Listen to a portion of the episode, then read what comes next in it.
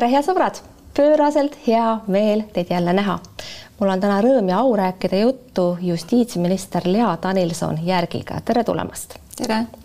arusaadavasti me jõuame üsna pea punamonumentideni, aga mitte alguses ja mitte kõigepealt tahaksin teiega rääkida veel lastetoetustest ja ka keelenõuetest, mida te plaanite kehtestada eelnõu vormis.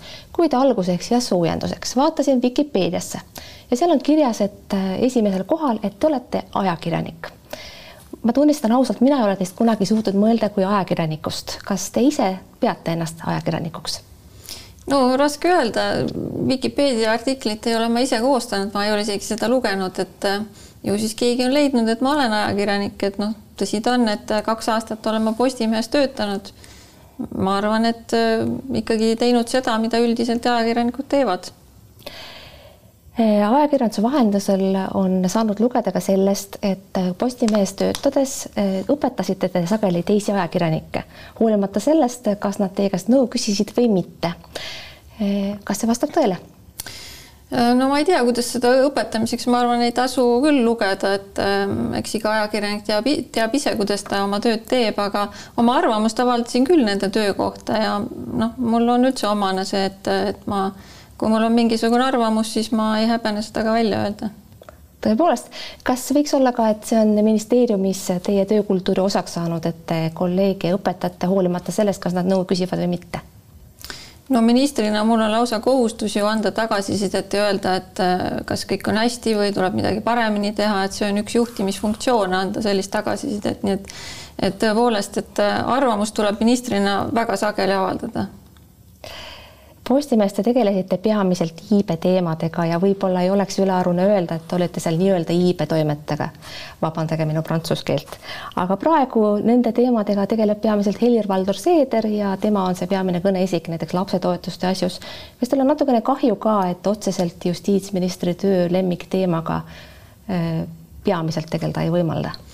No kõigepealt ma muidugi ei ole nõus, et ma ainult iibeteemadega tegelesin, et tegelikult rahvastikupoliitika ikkagi kätkeb väga palju muid asju, sealhulgas rännet, sealhulgas rahvastiku vananemist, tööjõuteemasid, et ähm, see on palju laiem, aga kahtlemata sündimus on võtmetähtsusega komponent seal, sest et kui meil ei sünni juurde inimesi, siis äh, ükski selline süsteem ei ole jätkusuutlik ja ka ükski ühiskond ei ole jätkusuutlik, kui sinna lapsi juurde ei sünni, sest ära peame paraku ikka kunagi kõik surema ja, ja oleme surelikud, nii et et tulevik on ikkagi lastes ja see on see võtmetähtsusega komponent, nii et seda kindlasti jah, ma arvan, ja seda ongi väga oluline käsitleda. kohe me jõuamegi sinna, aga enne seda veel, kui te saite ministriks, siis tõusid nii mõnedki avalikud silmad kulmude kohale lausa pea laele ja mõnel kukkusid lausa kukla tagant kraev vahele. nii üllatav oli teie saamine ministriks. kui palju kogesite seda üllatust ja võõristust inimestega näost näkku suheldes? Ma küll ei taha, saa öelda, et ma oleks seda kohanud. noh, üldiselt inimesed teavad, et ma olen lõpetanud ju tegelikult haldusjuhtimise äh, ehk see on siis otseselt suunatud kõrgemate riigiametnike koolitamisele, see eriala. nii et kogu riigisüsteemi tundmine, äh, õiguse tundmine, see kõik on äh, mul juba ülikooli ajal omandatud ja ma olen, olen riigisektoris ju ka töötanud varem ja sealhulgas eriti just juba õigusloome osas ka Riina Solmani rahvastikuministriks oleku ajal äh, töötasin seal osakonna juhatajana, nii et et üldiselt äh, ma pean ütlema, et äh, teemad olid väga tuttavad levinud avaliku arvamuse kohaselt ja ajakirjanduse andmetel olete te siiski nii oma töökohad Postimehes, te olete Postimehes kahte, kaks klassi olnud, kui ka ministeeriumis siis ministrikoha saanud sellepärast, et nii-öelda omanik soovib. väidetavasti saite te Postimehes oma töökohad sellepärast, et Margus Linnamäe jagas teie veendumusi ja soovis, et te sealt tööd saaksite ja Isamaa omanikuks peetav suurrahastaja Parvel Pruunsild väidetavasti samuti tahtis, et teie saaksite ministriks, mis on siis tekitanud küsimuse, et kas Eesti Vabariigis saab ministrikohti tõepoolest osta. kuivõrd te ise olete kogenud seda, et, et selline äh, kahe mõjuvõimsa mehe toel ametitesse saamine võiks olla demokraatlikus riigis küsitav? No siin te nüüd lähetegi jällegi oma jutuga natukene liiga ulmeliseks, et äh, mina ei oska öelda, mida need inimesed, keda te siin nüüd mainisite, asjast arvavad. Äh, Postimehes tehti mulle selline ettepanek sellepärast, et äh, Postimehe soov oli avada selline erinevaid Eesti elu käsitlevaid teemasid käsitlev rubriik, alguses oli selle nimi siis esimesel hooajal Meie Eesti sealhulgas oli siis see rahvastikupoliitika või selline plokk ja, ja seda kutsuti mind sinna tegema et ma arvan, et see tulenes ikkagi eelkõige sellest, et ma olin selle valdkonnas äh, tegutsenud ja mul oli selle kohta nagu oskusi ja teadmisi ja, ja noh, ministri kohas äh, ma arvan, väärav roll oli ikkagi sellel, et ma olin Riina Solmaniga ju pikalt koos töötanud ja see oli noh, küllaltki raske ja intensiivne aeg ja meie koostöö laabus väga hästi. Hästi Läheme lapsetoetuste juurde, see on ühiskonnas tekitanud tugevat polariseerumist, see lapsetoetuste eelnõu ja selle, eriti selle viimane kuju, mis siis suurendas veel kord kääre esimese, teise ja kolmanda lapse toetuse vahel. algatuseks ja kõigepealt sellesse teemasse minnes, eh, kui vaadata erakondade programme, siis säärast lubadust sealt ei leidu. kuivõrd te ise leiate, et Isamaal või konkreetselt teil on mandaat seda eh, programmi ellu viia? Millist programmi siis? Eh, lastetoetuste, lastetoetuste sellist kuju, nagu see praegu plaanis on, nagu see eeldatavasti seadusena jõustub Äh, Isamaa programmis on minu teada lasterikaste peretoetuse tõus küll olnud sees, et et ma ei oska öelda, kas see on ka teistel erakondadel olnud, mina mäletan küll oma ajakirjaniku ajast, et sellest oli vist isegi Keskerakonnal lausa ka äh, midagi kirjutatud, et äh, täpselt ei mäleta, aga Isamaa soov on see küll kogu aeg olnud. just nimelt midagi, aga konkreetselt nii suurte vahedega midagi säärast ma teie programmist ei leia no see, eks need numbrid ju kujunevad vastavalt sellele, et, et noh, meil on ikkagi olukord ka muutunud. et inflatsioon on olnud ääretult kiire, seega et noh, niisuguste väikeste sammudega tõstmine ei oleks, ei oleks selles olukorras ju adekvaatne. nii et aga, aga mis puudutab seda, et, et see summa on suur, siis noh, tegelikult peaks vaatama seda, et isegi kui see toetus selliseks lasterikastele peredele tõuseb Äh, siis ühe pereliikme kohta on neil jätkuvalt äh, sama palju raha, äh, kui on väiksemates peredes, sest et noh, pere sissetulek ju laste arvust ei sõltu. Ja kui jagada pere sissetulek laste arvuga, siis suuremates peredes oleks see tunduvalt väiksem, aga ma arvan, et on väga õiglane kui äh, ka suuremate perede lastel on samaväärsed võimalused väikeste perede lastega. no tegelikult sügavat ebaõiglustunnet tekitab see just ühe ja kahe lapsega peredes, sest äh, alates kolmandast lapsest on siis lapsetoetuste vahe lausa seitsesada viiskümmend eurot. kui kahelapselise pere toetus hakkaks olema sada kuuskümmend eurot, siis kolme lapse, lapselise pere toetus üheksasada kümme eurot. see tähendab seda, et kolmandaid lapsi ikkagi väärtustatakse palju rohkem kui esimesi või teisi, ometi on aga täiesti võimatu, et kolmas laps sünniks enne esimest või teist, midagi siin ju ei klapi, proua minister. No millegipärast sellest ebavõrdsusest rääkijad ei ole kunagi võtnud teemaks seda, et enne seda, kui lasterikka pere toetus tuhande kahe tuhande seitsmeteistkümnendal aastal siis sisse viidi, oli lasterikaste perede vaesusrisk teistest, teistest peredest kaks korda suurem ja mitte keegi ei näinud, et siin on tohutu ebaõiglus, millega peaks tegelema. Isamaa võttis selle oma südameasjaks ja tegi ära ja täna meil on lasterikastele peredele see täiendav toetus, mis ei ole ainult sotsiaalpoliitiline meede, et tuua noh, nii-öelda tasandada seda elu, elukvaliteedi vahet ja võimalusi väikeses ja suures peres. aga lisaks sellele on selle mõte ka sündimust toetada me nägime, et sellel toetusel juba, kui ta tekkis, oli väga oluline mõju sündimusele, me sündis palju rohkem. no ei tea, iive tegelikult Tallinnas just väheneb ja ma vaatasin ka, et sündide arv on languses. lapseraha on suurenenud kogu aeg ja tegelikult ei ole ka emapalka ju keegi ära võtnud. miks siis, miks siis väheneb kogu aeg iive ikkagi? Äh, kui me räägime eraldi, me ei saa rääkida lihtsalt äh, mingisugusest sündide arvust, sest et me teame, et meil on äh, noori naisi järjest vähem nii et sündide arv paratamatult vähenebki, küsimus on selles, mitu last ühe naise kohta sünnib ja kui palju sünnib, paljudel naistel sünnib või paljudesse peredesse sünnib kolmandaid järgnevaid lapsi.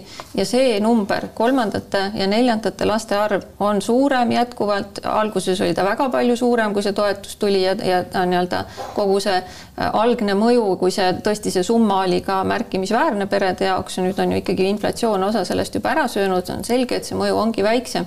aga kui ta tuli, siis kolmandaid lapsi sündis veerandi võrra rohkem varasemast.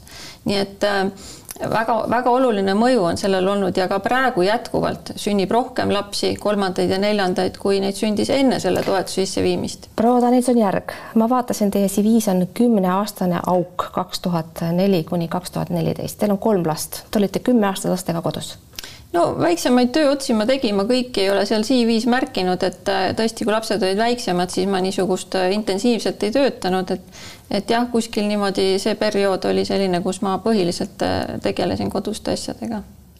praegu te saate ministripalka, teie abikaasa saab täispalka, mille, mille suurus ei ole mulle avalikult teada. aga noh, ta töötab, eks ole ehk siis ka teie palgale lisandub seesama üheksasada kümme eurot ministri palgale, teie abikaasa palk. kas see on õiglane? kas teie vajate seda raha? no sel juhul me võiksime küsida, et kas üleüldse peaks näiteks ka teisi lastetoetusi maksma sissetuleku järgi. Eesti on ju võtnud hoiaku, et me maksame universaalseid lastetoetusi, et keegi ei pea käima tõestamas, et ta on nii vaene, et temal on seda toetust tingimata tarvis. et see on universaalne, seda makstakse kõigile eeldusel, et kõigil lastega peredel on kulutused, mida ilma lasteta peredel ei ole. kas see ikka on hea mõte, võtame näiteks sellesama Parvel Pruunsilla, kellest ka meil oli juttu, temal on seitse last, ma ei tea nüüd täpselt, mitme naisega tal need on, aga noh, kui tal oleksid ühe lapse, ühe naisega need lapsed, seitse last, eks ju, siis tema toetussumma oleks tuhat viissada kümme eurot kas äh, suur ärimees vajab sellist toetust? no suur ärimees kindlasti maksab ka väga palju makse, äh, millest makstakse teistele inimestele toetusi, aga jällegi ma rõhutan, Eesti on valinud äh, universaalse lastetoetuse süsteemi, mitte vajaduspõhise, sellepärast et seal on väga kaalukad argumendid. esiteks, nende üksikute rikaste inimeste väljasõelumine läheks riigile väga kulukaks ja see ei ole otstarbekas. teiseks jällegi see universaalsus sel juhul me peaksime seda rakendama ka mujal, kindlasti on meil pensionäre, kes saavad ka ilma pensionita väga kenasti hakkama, eks ole. no see on et, äh, tegelikult demagoogiline. avame siis äh, näiteks vanemahüvitise teema, et meil on vanemahüvitise lagi üle nelja tuhande euro kuus. et äh, äkki me siis peaksime ka ikkagi maksma ainult nendele ja nii palju, et inimesed toime tuleksid, mitte varasema palga järgi. aga see, see on tegelikult küsimus. teema, et see, kui seda avada, siis peaks vaatama kõiki sotsiaaltoetusi ma arvan, et peakski, aga jätkame tuntud inimestega, kelle najal on võib-olla kergem mõista, eks ole, kuivõrd ebaõiglane see on. Te ei tahtnud vastata küsimusele, kas teie tahaksite seda üheksasada, üheksasada kümmet eurot vastu võtta või mitte, eks ole. loobumise mehhanismi pole ette näitud, nähtud. Mailis Repsil näiteks, ta praegu saab riigikogulase palka, sünnib varsti seitsmes laps eeldatavasti, eks ju, tuhat viissada kümme eurot lisaks. okei okay,, no võib-olla Mailis Reps varsti ei ole enam Riigikogus ja ta võib-olla, temale kulub see toetus vägagi ära, me ei tea seda, aga võib ju tekkida ka olukord, kus inimene, kelle, kes, kes väga ei viitsi tööle minna või ei taha, mõtleb, et tuhat viissada kümme eurot, see on ikka paganama hea äriplaan ja niimoodi jääb no, naine aastateks koju. see ei ole mitte mingi äriplaan. Äh, kujutage ette, see summa ju jaguneb kõikide nende pereliikmete vahel ära ja ma arvan, et kui inimene ei taha töötada, siis tal oleks ikkagi mõistlikum äh, kasutada siis seda süsteemi, mida meile toimetulekutoetus pakub et alati on perele kasulikum saada toetust ja käia äh, tööl. et see ei ole selline, see toetus ei ole sellise suurusega, et sellest saaks suur pere rahulikult ära elada, see on ikkagi tugi lisaks sellele, mida pere juurde ise teenib nii et te ei tunne sugugi süümepiinu, et teie palgale lisandub, teie ministri palgale lisandub varsti üheksasada kümme no, eurot. nagu te ütlesite, Mailis Repp samamoodi, võib-olla praegu on Riigikogu liige, võib-olla tulevikus ei ole, ministritega on sama lugu, et me ei saa seda vaadata niisuguses perspektiivis, pealegi nagu me räägime Mailis Repsist, siis jällegi isegi kui te tema Riigikogu liikme palga ära jagate selle hulga laste peale siis ma arvan, et tema elukvaliteet on üsna ligilähedane sellele, mida tavapered saavad endale lubada, väiksemad tavapered. no ärme sinna väga sügavalt lähe, sest on asjaolusid, mida me ei tea ja mida meil ehk ei sobi arutada. Läheme punamonumentide juurde, see on teema, mille keskmes te olete olnud nüüd pikalt ja olete osalenud päris paljudes debattides ma olen neid ka nüüd jälginud ja leidsin hiljaaegu teate jõuludeks valmistudes viisnurgakujulise piparkoogi vormi. ma nüüd ei teagi, mis teha, kas hakata seda ära viskama või, või julgeda neid piparkooke ikkagi teha, mis teie soovitaksite? No ma arvan, et see monumentide teema on natukene kuidagi liiga kaugele läinud, et äh, monumentide ja kuni selleni välja, et tehakse nalja, et kas me peaksime nüüd, ma ei tea, äh, Hruštšovkat maha lõhkuma et ähm, see on nüüd natuke meelevaldne, et. Äh, andke andeks, mul tekkis sama küsimus, sest enamik neist kuulub eraomandisse, nad on kenasti korda tehtud. Nad on näiteks seal, kus mina elan, seal on ühe maja peale kirjutatud aastaarv tuhat üheksasada viiskümmend kolm. Stalini surma aasta ma käin igakordselt mööda ja mõtlen, et huvitav, et mis sellest majast nüüd saab või näiteks on olemas ju ka näiteks ühe maja peale on kirjutatud nõukaaegses šriftis köögivili, maja on korda tegemata mm. -hmm. et võib-olla see kuidagi nagu peaks ka äkki maha tõmbama no kui te see, kui te, see teid häirib, et siis te võite muidugi ju selle ettepaneku teha, aga kui ma räägin sellest eelnõust, mis Justiitsministeeriumis valmis, siis selle eesmärk oli eelkõige siis need äh, punamonumendid, mida kasutatakse sellises infosõjas Eesti vastu, et need siis linnaruumist ähm, ära viia ja aga samas muidugi ka nii-öelda eelnõu on ikkagi ju universaalne, ta käsitleb nii olemasolevat kui seda, mida võidakse luua, et äh, me ei saa ju välistada, et et keegi tahab näiteks Putini bareljeefi endale maja seina peale panna ja kui meil ei ole seadust, mis seda takistaks, siis mis me siis teeme? Proua minister, ma andke andeks, ma olin tegelikult varjamatult irooniline, rääkides piparkookidest ja, ja nõukaaegsetest šriftidest. Teil on päris selgesti äh, avalikus debatis mõista antud, et te tegelete väljamõeldud probleemiga. Mart Kalm on seda teile ilusti rahulikult seletanud. Marek Tamm, lugupeetud kunstiajaloolane, on teile selgitanud, et äh, te tegelete probleemiga, mida ei ole olemas. miks te seda teete? Vot äh, tundub, et mõne inimese jaoks on need probleemid olemas ja mõne jaoks ei ole, et ma olen saanud väga palju toetuskirju ka inimestelt, kelle jaoks on väga suur probleem, et meil on tänaseni need punamonumendid avalikus ruumis, mis äh, okupatsioonirežiimi õigustavad ja mis annavad Venemaale võimaluse meie vastu neid äh, kasutada oma sellises infosõjas.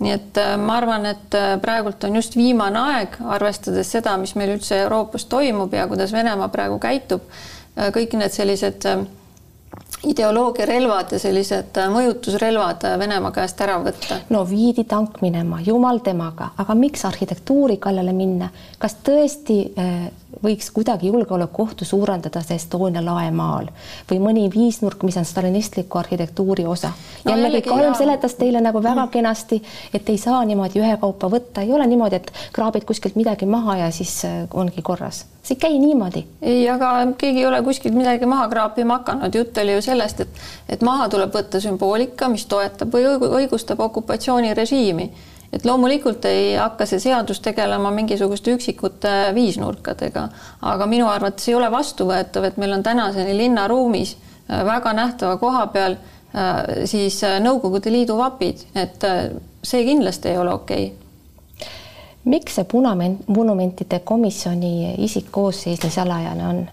Ma hakkasin seda, ma olen seda pikemat aega jälginud, seal on teada ainult selle komisjoni juht ja ma olen pikka aega mõelnud, et aga kas ei peaks siis äkki ministrite nimed saladuses olema või ajakirjanike, sest kui asjad peaksid minema halvasti, siis ministrid on esimene sihtmärk ja ega ajakirjanikelegi just väga hästi ei läheks. või võib-olla peaks üldse kõik Eesti inimesed salastama, sest tegelikult nad kõik on ju rünnaku objektid, juhul kui Venemaa meid ründama peaks või, või midagi selles suunas üritama see on ju absurdne, see on demokraatia no, vastu. arvan, et see ei ole absurdne selles mõttes, et tuletage meelde neid Narva sündmusi, eks ole, et kus äh, monumenti lammi, lammutanud äh, siis äh, kopp pandi põlema. et ometi jah, see komisjon, see salajane komisjon on eelmise valitsuse moodustatud ja nemad võib-olla oskavad siis kõige paremini selgitada, miks see tol korral niiviisi sai otsustatud, et see komisjon on on salastatud, aga ma noh, arvestades neid sündmusi, mis on toimunud, äh, täiesti ka mõistan eelmise valitsuse otsust, sest et äh, tõepoolest, et siin ei ole mitte ainult äh, nii-öelda Putini toetajad, kes võivad neid inimesi ohustada, vaid ma vaatan, et meil on ka palju selliseid inimesi, kes meie oma riigis, kes näiteks ei pea õigeks punamonumentide eemaldamist ja ja kes võib-olla väga hästi ei suhtu nendesse inimestesse, kes näiteks seal töörühmas töötavad ja ütlevad, et need punamonumendid siiski tuleks eemaldada. selles see lõhede külvamine ju seisnebki. esiteks, Venemaal jääb igal juhul võimaluse eh, meid rünnata, kui ta tahab ja tegelikult see punamonumentide eemaldamine ja viisnurkade mahakratsimine sobib väga hästi ajendiks ja kui ka see ei sobi, siis leitakse see ikka. teiseks, eh, need inimesed kes teie meelest siis võiksid äh, rünnata neid samu komisjoni liikmeid või tekitada rahutusi ühiskonnas, ega neid ju me niimoodi integreerida kuidagi ei saa, et tõstame siin midagi ümber, võtame sealt need vapid ja lipud maha, nemad, nende mõtteviis ju sellest ei muutu, vastupidi, rusikas läheb rulli, kulmud lähevad kortsu, tahaks tüli norida see on ju inimlik. sellega ma ei ole nõus, et kuskilt peab muutus algama, me ju näeme ka näiteks seal Narva sündmustes, eks ole, et sinna tulevad eakamad inimesed, aga nad võtavad kaasa ka noored. et see, see, meil ei ole võimalik seda ahelat katkestada, kui me tahame öelda, et need on monumendid valele, nii nagu Mart Laar on öelnud, siis me peame ka vastavalt tegutsema, kui need monumendid esindavad valet, siis nad ei sobi meie linnaruumi, me peame nad ära viima selleks, et meil oleks võimalik inimestele õiget ajalugu tutvustada, et meie noored kasvaksid juba teadmises, mis tegelikult juhtus, et mis... Eestit ei vabastatud, et Eesti okupeeriti. ma mõistan seda mõttekäiku, kuid kui teie hakkate ministrina ütlema, mis on õige ja vale ja hakkama ütlema ka seda, mismoodi tohib siis missugune tohib olla arhitektuur, arhitektuur on kunstiliik, ma meenutan teile, siis varsti ei peaks olema kaugel ka aeg, kus minister või valitsus hakkab ütlema, mis, mida tohib laval näidata, missuguseid teisi kunstiteoseid väljaspool arhitektuuri tohib luua, kuhu me niimoodi jõuame? No nüüd te jälle liialdate, et mina ei ole vastupidi, ma mõtlen teist ühe sammu edasi. ei, ei, mina ei ole kunagi öelnud, et äh, arhitektuuri kallal lähme, jutt oli äh, okupatsiooni toetavast sümboolikast see... hoonete küljes ja sellega see, see täpselt lõpeb. Need muudatused toimuvad ehitusseadustikus. ja sellepärast. ja sõidavad et... ja sõidavad ühtlasi üle muinsuskaitsest, mis senimaani on olnud sõltumatu. Teie olete ka viidanud selgesti, et kui muinsuskaitse siin asjadest õigesti aru ei saa ja omanikega kokkuleppele ei saa, siis valitsus ütleb, kuidas on õige missugune on õige ajalugu, missugused on õiged kunstivormid, mis demokraatias on? kõigepealt ma tahaks selle selgeks teha, et äh, monumentide puhul me ei saa kunagi rääkida ainult sellest, et see on mingi kunstiteos. Või ka näiteks Nõukogude Liidu vapist, eks ole, maja küljes, see ei ole ainult kunstiteos. Ma räägin arhitektuurilisest teosest kui tervikust. julgeoleku aspekt, väga erinevad, erinevad tähendused ja, ja selle tõttu on, ei ole võimalik, et neid küsimusi otsustatakse ainult kunstiinimeste ringis, on oluline kaasata ka julgeoleku valdkonna inimesed, et see peab olema laiapõhjalisem otsus, see ei saa olla ainult selline otsus, kuna see puudutab ka riigi julgeolekut, mida, mida, mida langetavad kunstiinimesed. loomulikult neid kaasates tuleb neid otsuseid langetada, aga see peab olema märksa laiapõhjalisem. ja mis kaasamine see on, kui minister hõikab, halloo, kunstiinimesed, tulge palun maa peale tagasi. lugesin seda teksti ja mõtlesin Villu Reilani peale, kes arvas omal ajal, et kunstiinimesed peaksid jääma oma liistude juurde. kuidas Reilaniga läks? tulgem, olgem ausad, poliitilisel areenil ei osaleda enam ammugi ei läinud väga hästi. kas te ei karda, et see vastuolu laieneb palju teravamaks teie suhtes ja teie isiku suhtes, kes kõik, kõik, kes kõik leiavad, et te lihtsalt kasutate seda ajaloolist hetke. ei leia enda..., sellepärast et ma olen väga palju saanud ka positiivset tagasisidet, ega äh, kunsti ja, ja muinsuskaitse valdkonna inimesed ei ole ka mingi homogeenne seltskond, meil on demokraatia, meil ongi erinevad arvamused. Ja täpselt samamoodi on need erinevad arvamused ka kunstiinimeste hulgas, arhitektuuri, ajaloo inimeste hulgas ühed arvavad nii, teised arvavad naa, aga kõige olulisem on see, et me saaksime ühe laua taga kokku ja arutaksime neid teemasid ja selgitaksime üksteisele, et julgeolekuvaldkonna inimesed selgitavad kunstivaldkonna inimestele, mis on need julgeolekulised aspektid, mida tuleb arvestada ja, ja vastupidi, kunstivaldkonna inimesed selgitavad, mis nende arvates on väärtuslik ja miks. et siis ikkagi, et siis ikkagi teie ministrina hakkate kultuuriinimestele, kunstiinimestele ütlema, et julgeoleku seisukohast need ja teised teosed pole okei okay kuhu, mis, mida see tähendab? aga täpselt mõistate? samamoodi ütlevad ju kunstivaldkonna inimesed praegu ka julgeoleku kohta jah, ega siit tõesti ei ole enam mõistlikul viisil edasi minna. me lubasime, et räägime ka keelenõudest, markeerime selle lühidalt, kuna meie aeg on napp. olete lubanud algatada seadusemuudatuse, mille kohaselt juba järgmiste kohalike omavalitsuste eel hakatakse valimistele kandideerijatelt nõudma keeleoskuse taset B1, mis on iseenesest päris väike norm. aga äh, siin on mõned politoloogid ja sotsioloogid viidanud juba sellele, et selline norm on, on, on olemas olnud ja see on tühistatud sellel põhjusel, et äh, Eesti seda kehtestades satuks rahvusvahelise põlu alla. Eh, argument, vastuargument on see, et demokraatlikud valimised peavad toimuma nõnda, et nad oleksid vabad ja, ja ei oleks millestki mõjutatud, mis tähendab seda, et valituks võib osutuda ka keegi, kelle, kes, kellel kellegi teise arvates ei ole sobivaid kvalifikatsioone. Ehk jällegi küsimus demokraatiast ja selle mõjust ja sellise eelnõu, mis taastab keelenõude kohaliku omavalitsuse valimistel, saatsime täna kooskõlastusringile nii et see eelnõu on meie majast välja läinud ja loodetavasti saame tagasiside juba mõne nädala jooksul. et siis sealt edasi juba äh, valitsusse liikuda ja vastupidi, ma arvan, et see eelnõu tugevdab Eesti demokraatiat, sest on äh, täiesti põhiseadusega mõtte, äh, mõttega vastuolus see, et meil osutub valituks inimene, kellel reaalselt ei ole võimalik volikogus töötades oma valijaid esindada, sellepärast et ta ei valda riigikeelt ja see on mingis mõttes ka ju valijate petmine. valija eeldab, et kui ta kedagi on valinud, siis see inimene tegelikult suudab teda ka seal esindada seal volikogus. aga kui inimene ei valda eesti keelt, siis ta ei saa volikogu koosolekust osa võtta. nii et äh, ma arvan, et see eelnõu väga hästi toetab just Eestis demokraatia arengut. proua minister, lõpetuseks, kas natukene teie loovast energiast ei võiks kuluda ka näiteks sellele, et Parvel Pruunsillale kuuluv Bigbank oleks, kannaks Eesti nime Suurpank, kuidas oleks? väga hea mõte, miks mitte. edastate? ma arvan, et ta ehk vaatab saadet ja saab ka teada Lea Danilson, Järg, tänan teid selle jutuajamise eest. head sõbrad, aitäh, et te vaatasite. järgmine saade on juba järgmisel nädalal. külaline on siis kindlasti hoopis teine. Teiega elage vahepeal hästi, mingu teil toredasti kuulmiseni ja nägemiseni